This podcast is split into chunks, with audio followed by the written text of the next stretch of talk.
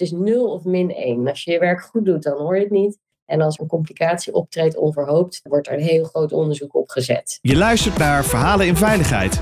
Deze podcast brengt verhalen over veiligheid samen van de mensen die het doen. Met wisselende onderwerpen. Verhalen vanuit de wetenschap, verhalen vanuit de praktijk, maar vooral verhalen die raken uit ons mooie vak. Uw presentatrice Orlie Borlak. Welkom luisteraars, het is weer tijd voor een uh, mooie podcast. Ik zit in de studio met Marit de Vos. Zij is gynaecoloog in opleiding en veiligheidsonderzoeker. Vandaag praten wij over de relatie tussen patiëntveiligheid en het lerend vermogen van een team. Marit doet onderzoek en heeft een aantal interessante bevindingen waar we het vandaag over gaan hebben. En zou jij iets meer kunnen vertellen over je onderzoek? Ja, dankjewel voor de uitnodiging om in deze podcast te zijn. Mijn onderzoek begon eigenlijk heel erg toen ik mijn promotieonderzoek deed. Te kijken naar hoe leert een ziekenhuis van de dingen die misgaan. En daar was nogal veel data over, want daar zijn ziekenhuizen heel erg goed mee bezig om dat allemaal bij te houden. Maar gaandeweg kwamen we in contact met de wat nieuwere stromingen binnen het veiligheidsdenken en de veiligheidskunde, die eigenlijk zeggen dat het niet zo is dat je alleen maar kan leren van de dingen die misgaan, maar dat je juist heel veel kan leren van waarom gaat het op die andere dagen nou goed. Nou, daar hebben we helemaal geen meldingen of data over. Want die dingen worden niet gerapporteerd, die situaties die goed gaan. Dus gaandeweg zijn we meer onderzoeksprojecten. En ook na mijn promotie zijn we onderzoeksprojecten op gaan zetten om te kijken van hoe zouden we nou van de alledaagse normale praktijk kunnen leren. Ik doe zowel een beetje theoretisch werken. We schrijven wat perspectiefartikelen over hoe dan dit gedachtegoed in de zorg te kunnen toepassen. En we zijn bezig met een praktische toepassing om de ouderwetse complicatiebespreking om te vormen naar een teambespreking die juist reflecteert op de goede en slechte dagen of gebeurtenissen. Zodat je het hele brede visie houdt op je reflectie van je eigen werk. En daar eh, zijn we nu mee aan de slag om dat te onderzoeken. En zijn er al dingen opgevallen?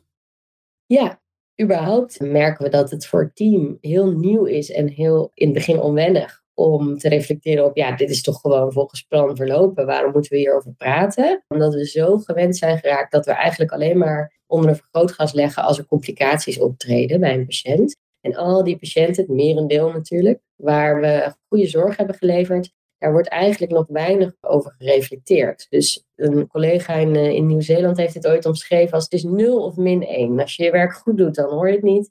En als een complicatie optreedt onverhoopt, wordt er een heel groot onderzoek op gezet. En wordt daar in de wekelijkse complicatiebespreking ook over gesproken. Dus we merkten dat het in het begin best onwennig was. Ja, waar moeten we het nou over hebben hier? Want het is goed gegaan. En al vrij vlot merkte je dat het juist hebben over zaken met een goede afloop je op een wat hoger niveau doet reflecteren. En ook een wat makkelijker het gesprek laat verlopen. Want er zijn geen emoties zoals schuldgevoelens en schaamte. Want er is een goede afloop.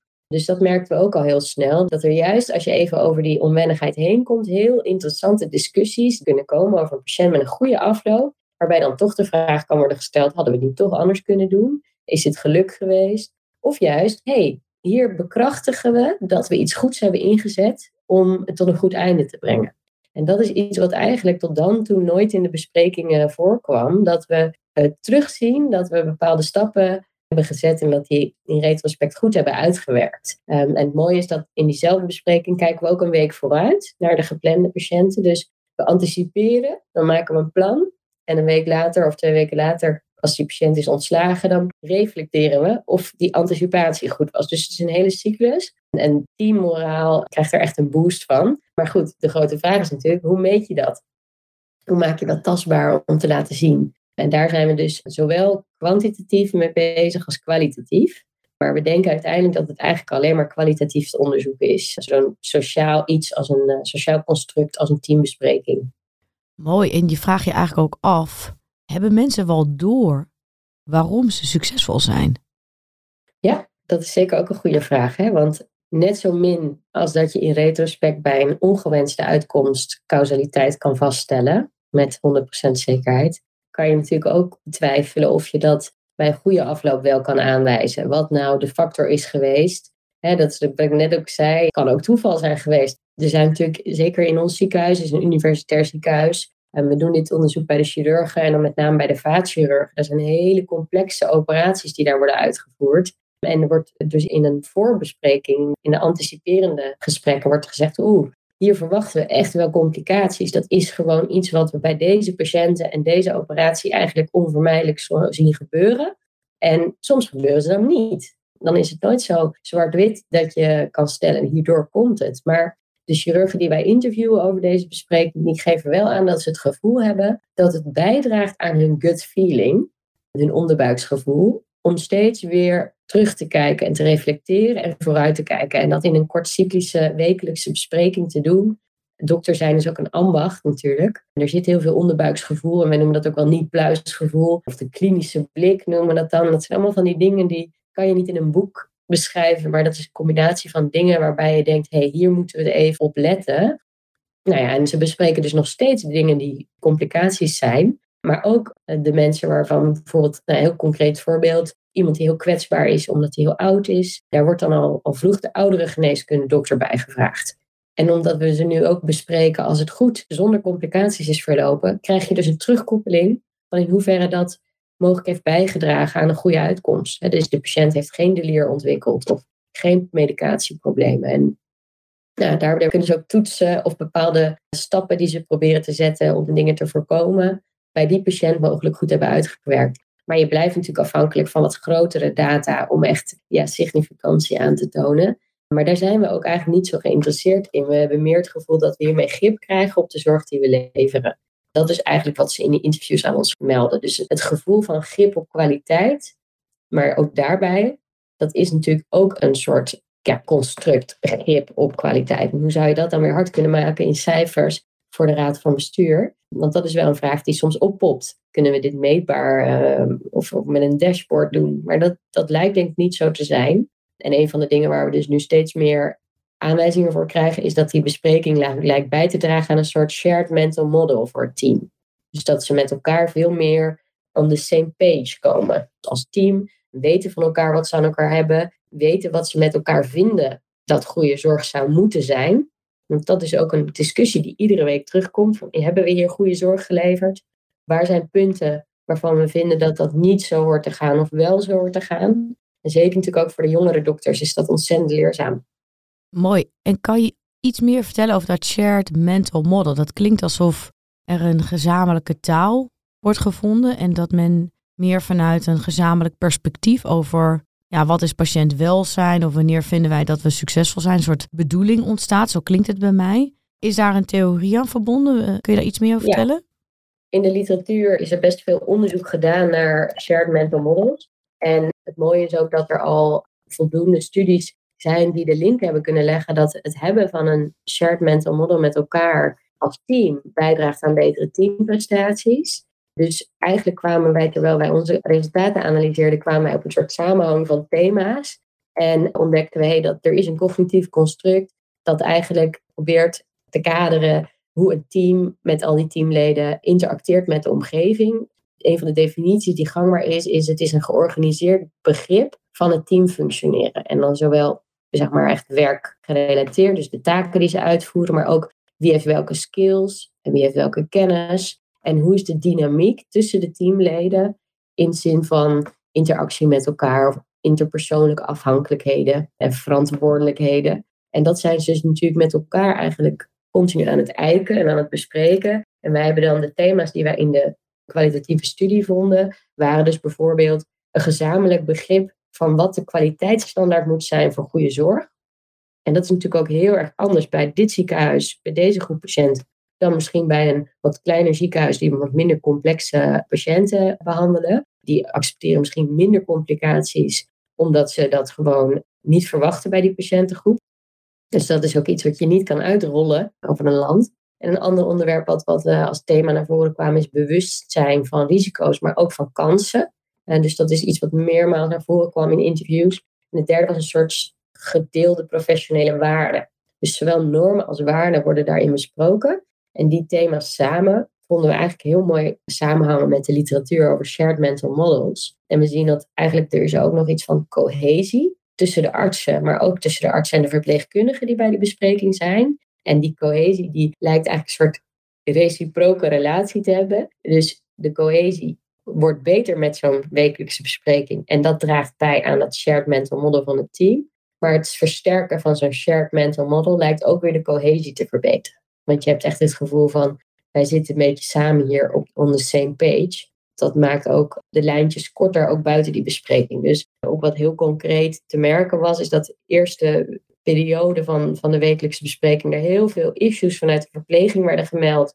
van zaken die niet goed liepen. En je ziet nu eigenlijk dat er wordt niet gewacht op die bespreking. Er wordt gewoon in de wandelgangen veel makkelijker naar een arts gestapt en gezegd, hé, hey, dit moeten we even met elkaar aanpakken. En de artsen blijken ook het beter aan te pakken, want het komt dan niet in die bespreking naar voren. Dus die bespreking maakt voor een deel ook onnodig, wat goed is. En het blijft dus een mooie manier om even te pauzeren met elkaar en op een beetje abstract niveau te reflecteren. En wat we ook zien als we echt inhoudelijk kijken naar wat leren ze daar nou aan, aan lessen. Vroeger werd er, ik heb daar onderzoek naar gedaan, heel vaak een les geformuleerd van we moeten technisch anders handelen. Of we hadden een andere benadering technisch op de operatiekamer kunnen kiezen. Waar we nu zien dat we al wat abstracter dingen bespreken. Dus uh, ook meer over samenwerking op de afdeling met andere specialismen. En zelfs dus lessen gaan formuleren bij patiënten met goede afloop. Dat we toch zeggen van we moeten hier met elkaar iets van vinden en alert op zijn. En soms ook dus verrast zijn dat er een goede afloop is bij een patiënt waar we eigenlijk hele hoge risico's hadden verwacht. Dus we zien eigenlijk alle zijden van de medaille van wij doen ons werk iedere dag op de beste manier waarop we willen denken dat het moet. En 9 van de 10 keer loopt het goed af en 1 van de 10 keer niet. En beide kanten van die medaille worden besproken. En dat is heel waardevol, omdat je dan ook dus ziet dat misschien met eenzelfde aanpak inderdaad er een complicatie optrekt, maar bij 9 patiënten op de 10 met diezelfde aanpak geen complicatie optreedt. En dat zagen we voorheen helemaal niet, want die lieten we eigenlijk buiten beschouwing. Ik vind het eigenlijk wel heel interessant wat je vertelt. Hè? Dat shared mental model, eigenlijk in heel Jippe Janneke, lijkt het alsof we heel veel dingen niet expliciet naar elkaar uitspreken. Dus je hebt heel veel uh, theorieën en uh, bekende sprekers die het hebben over de bedoeling. Maar een shared mental model gaat veel verder dan dat. Van hoe kijken we eigenlijk naar risico's? Wat is onze risicoacceptatie? Hoe willen we leren? Wat vinden we van kwaliteit? Wat vinden we eigenlijk van onze eigen expertise? Eigenlijk alles wat zeg maar in normaal in die onderstroom denk ik zit, is wat we allemaal misschien in ons hoofd allemaal aannames van hebben. Ga je met zo'n reflectiesessie proberen naar boven te halen en eigenlijk is te toetsen, is mijn beeld hetzelfde als jouw beeld. Dat gaat eigenlijk nog veel verder dit heel shared mental model dan de meeste theorieën die ik de laatste tijd lees. Die hebben het eigenlijk alleen maar over waarde gedreven, werken vanuit de bedoeling. Hè? Dus het gaat over patiëntwelzijn, maar dit gaat veel verder. Dit gaat over wat vinden we acceptabele complicaties? Wat vinden we acceptabele risico's? Wat vinden wij de meest passende werkwijze? Dit gaat eigenlijk over alle facetten van samenwerken. Van wat vinden we nou eigenlijk? Ja, en dat is precies eigenlijk wat je zegt. Er zit heel veel sensemaking in. Hè? Dus echt, zeg maar, interpreteren van de cijfers. Dus er is in de zorg natuurlijk heel lang dossieronderzoek gedaan landelijk. Hoeveel procent van de schade is mogelijk vermijdbaar in retrospect? En hier zijn de mensen die zelf de zorg hebben uitgevoerd. Daar zijn ze ook soms kritisch over van moeten we niet een buitenstaander erbij hebben om ons scherp te houden? Ik heb de indruk dat ze heel scherp zijn, omdat ze dus heel ambitieus zijn voor de patiënten natuurlijk. En dat ze dus zelf gaan duiden, oké, dit is een patiënt met ontzettend veel complicaties, maar zelfs nog minder dan verwacht. En als je dat natuurlijk in de boeken ziet, dan is het een gecompliceerde opname. Maar zij gaan veel meer de diepte in. Oké, ja, er was een complicatie. Hoe zijn we er vervolgens mee omgegaan om te voorkomen dat er van de regen in de drup is gekomen? En dus ik denk in een nauwe visie op veiligheid kan je zeggen, nou ja, deze patiënt is gecompliceerd, dus die gaat rood de boeken in. Maar zij gaan juist met elkaar het gesprek aan van hoe hebben we voorkomen dat er van die ene complicatie een hele cascade uitging met meer ellende. want sommige dingen hebben we gewoon ook nog geen heilige graal om op te lossen. Dus we hebben heel veel middelen om bijvoorbeeld een wondinfectie zo, zo laag mogelijk de kans daarop te maken. Maar nul te krijgen, dat is ons nog niet gelukt. Daar is nog niks voor uitgevonden. dus als het dan optreedt, detecteer het op tijd, behandel het op tijd. Zorg dat het niet thuis blijft aanmodderen, dat mensen weten hoe ze ons moeten bellen. Dus ook dat soort issues worden besproken. Als iemand naar huis gaat, weet die persoon wanneer die afspraak heeft, weet de huisarts alles, zijn er brieven verstuurd, wordt ook heel veel logistiek gecontroleerd in die bespreking. En dat wordt dus allemaal in de workflow gedaan. Waar het vroeger heel erg na werktijd moest er allemaal administratie worden gedaan. Uh, en nu is het echt in de workflow. En wat ik heel mooi vind, ik ben heel geïnteresseerd in patiëntveiligheid geraakt toen ik het in ging zien als iets wat we iedere minuut van de dag met elkaar aan het doen zijn. In plaats van, oh ja, vrijdag om vijf uur hebben we de patiëntveiligheidsbespreking en die moeten we donderdagavond na werktijd voorbereiden. Dat is een hele andere visie op wat is patiëntveiligheid. Het is iets wat we maken met elkaar, iedere minuut weer. En het fascinerende is, hoe krijgen we dat toch zo vaak goed voor elkaar? En daar was nooit aandacht voor. Er was alleen maar aandacht voor als het klaarblijkelijk niet voor elkaar was gekomen. En dat is natuurlijk ook heel motiverend dat we nu allebei de kanten bespreken. En inderdaad, wat je zegt, ja, het gaat veel verder dan alleen maar de bedoeling. Er zitten heel veel aspecten in. En, en ook eigenlijk, hè, als je in de leertheorie gaat kijken, waar we vroeger veel meer first order learning deden of single loop learning. Wat is de uitkomst en wat hebben we gedaan? Is er nu door de breedte van de bespreking en de, de andere uh, vragen die het oproept, is er veel meer double loop second order learning, dat wij ons afvragen, maar waarom hebben we gedaan wat we hebben gedaan? En zo'n vraag is natuurlijk al veel minder beladen bij iemand waar het goed is afgelopen. En dan gaat het gesprek natuurlijk veel meer open en makkelijker kritisch dan wanneer de mensen die daar zitten zichzelf heel rot voelen over wat er is gebeurd. En dat is denk ik gewoon onvermijdelijk menselijk. Ik heb zelf een onderzoekje gedaan in Boston en in Leiden in ziekenhuizen die al honderd jaar complicatiebespreking doen. Je krijgt niet 0% de gevoelens van schaamte en schuld. dus zelfs daar, drie op de tien gaven aan, ik heb last van shame en blame gevoelens. Eh, of indruk dat dat soms speelt. En daar schrokken ze allebei heel erg van, want ze hadden een hele goede sfeer en, en ze hadden het gevoel goed voor elkaar te hebben. Maar ik denk dat je dat nooit nul krijgt, omdat mensen, hè, dokters zijn mensen die goed hun werk willen doen. En als er dan een complicatie optreedt bij hun eigen patiënt, dan hebben ze wel zelf zelfschaamte en zelf uh, schuldgevoelens opgeworpen. Dat hoeft een ander niet eens te doen.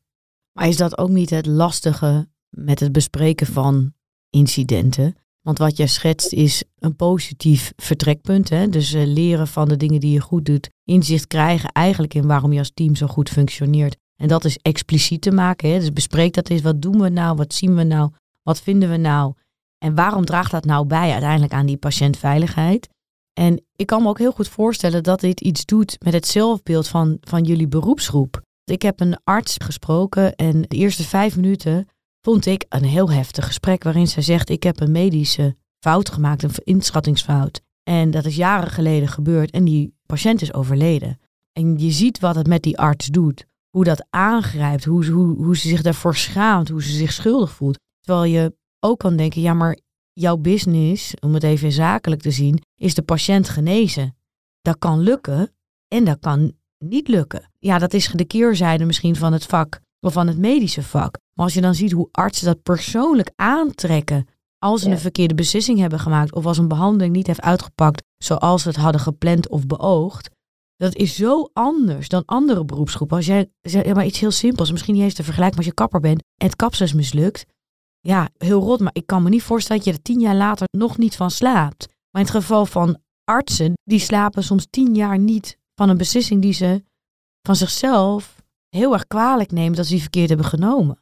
Ja. Ik kan me voorstellen dat deze exercitie enorm bijdraagt aan het zelfvertrouwen en het positieve zelfbeeld wat artsen over zichzelf misschien ook wel moeten hebben om optimaal te kunnen presteren.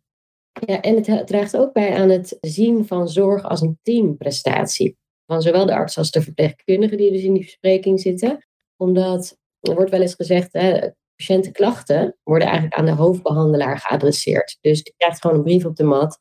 Jij hebt iets gedaan, daar heb ik een klacht over. En er was een ziekenhuis die zei, nou een klacht tegen jou is een klacht tegen ons. Want wij zijn samen de afdeling en het team. En ik denk dat deze bespreking er ook aan bijdraagt. Dat we heel erg laten zien van, jouw patiënt is mijn patiënt. Als jij eh, een dag vrij bent, zorg ik ervoor. Tuurlijk heb jij de operatie gedaan, maar ik had hem net zo goed kunnen doen. En dus heel erg het zien als teamprestatie. En er zijn nog heel veel processen, waaronder dus die klachtenprocedure, die daar nog niet aan bijdragen. Die dus nog heel erg doen. Jij bent degene die de druppel was die de emmer deed overlopen. Of jij hebt iets niet gevangen, eh, wat je wel had moeten opmerken. En dat is natuurlijk een hele beperkte, simpele, reductionistische manier om te kijken naar zorg. Want er zijn zoveel factoren die bijdragen aan uh, of, of het lukt om iemand te genezen en op tijd een diagnose te vinden. Dus er wordt nu ook steeds meer met, dat nieuwe, met die nieuwe bril hè, van, van modern veiligheidsdenken. Bijvoorbeeld in eh, Den Haag zijn ze onderzoek aan het doen naar het missen van diagnoses. En dus juist het vinden van diagnoses. Hoe gebeurt dat? En dat is natuurlijk niet zo simpel als er is één wijze dokter die dit allemaal uh, in zijn stoel zit te bedenken. Daar gaan hele disciplines zijn erbij betrokken, van het laboratorium tot de radiologie, tot de huisarts, tot de verpleegkundige, de ambulancepersoneel. Dat is zo'n aaneengeschakelde keten dat het eigenlijk echt wel achterhaald is dat we nog heel erg doen als, nou, heftig, jij hebt de klacht. Of jij hebt een tuchtzaak. En de patiënt heeft natuurlijk ook iemand gekozen. Hè? Maar één tuchtzaak die op mij veel indruk heeft gemaakt, die in een podcast is verteld, is, is een supervisor die sliep. Niet is gebeld door de artsassistent. En de patiënt die heeft schade opgelopen. En die klaagt de supervisor aan en niet de artsassistent. En die moet dan dus dat voor het bankje komen en het hele verhaal uh, uitleggen. Is natuurlijk heel complex, want het is niet alleen de supervisor geweest. Het is een hele team en een hele complexe optelsom. Dus dat je echt als team gaat voelen dat je als team verantwoordelijk bent, daar helpt denk ik deze groepsbespreking elke week bij. Ik vind het hartstikke mooi. Ik zou graag willen dat je een keertje terugkwam. Uh, wanneer is jouw onderzoek, denk je, afgerond? En dan heb je nou nog meer inzichten. Eigenlijk is dit, is dit promotieonderzoek van Merel Verhagen, de uh, artsonderzoeker die mij is opgevolgd bij uh, het LUMC, uh, onder leiding van professor Hamming. En haar promotie is op een gegeven moment klaar. Dus we hopen wel komend jaar te bundelen in een proefschrift. En daar inderdaad, juist ook zo'n verdediging van zo'n proefschrift met, met andere experts, daar komen vaak wat, weer wat nieuwe inzichten voor vervolgonderzoek uit. Dus eigenlijk is het nooit klaar, maar we komen steeds een stapje verder. Nou, dan lijkt me heel leuk als het proefzicht verdedigd gaat worden, dat jij en je collega's misschien even terugkomen eens uit te leggen. Wat is nou uiteindelijk de conclusies van deze mooie inzichten geworden? Dankjewel. Dankjewel voor deze podcast.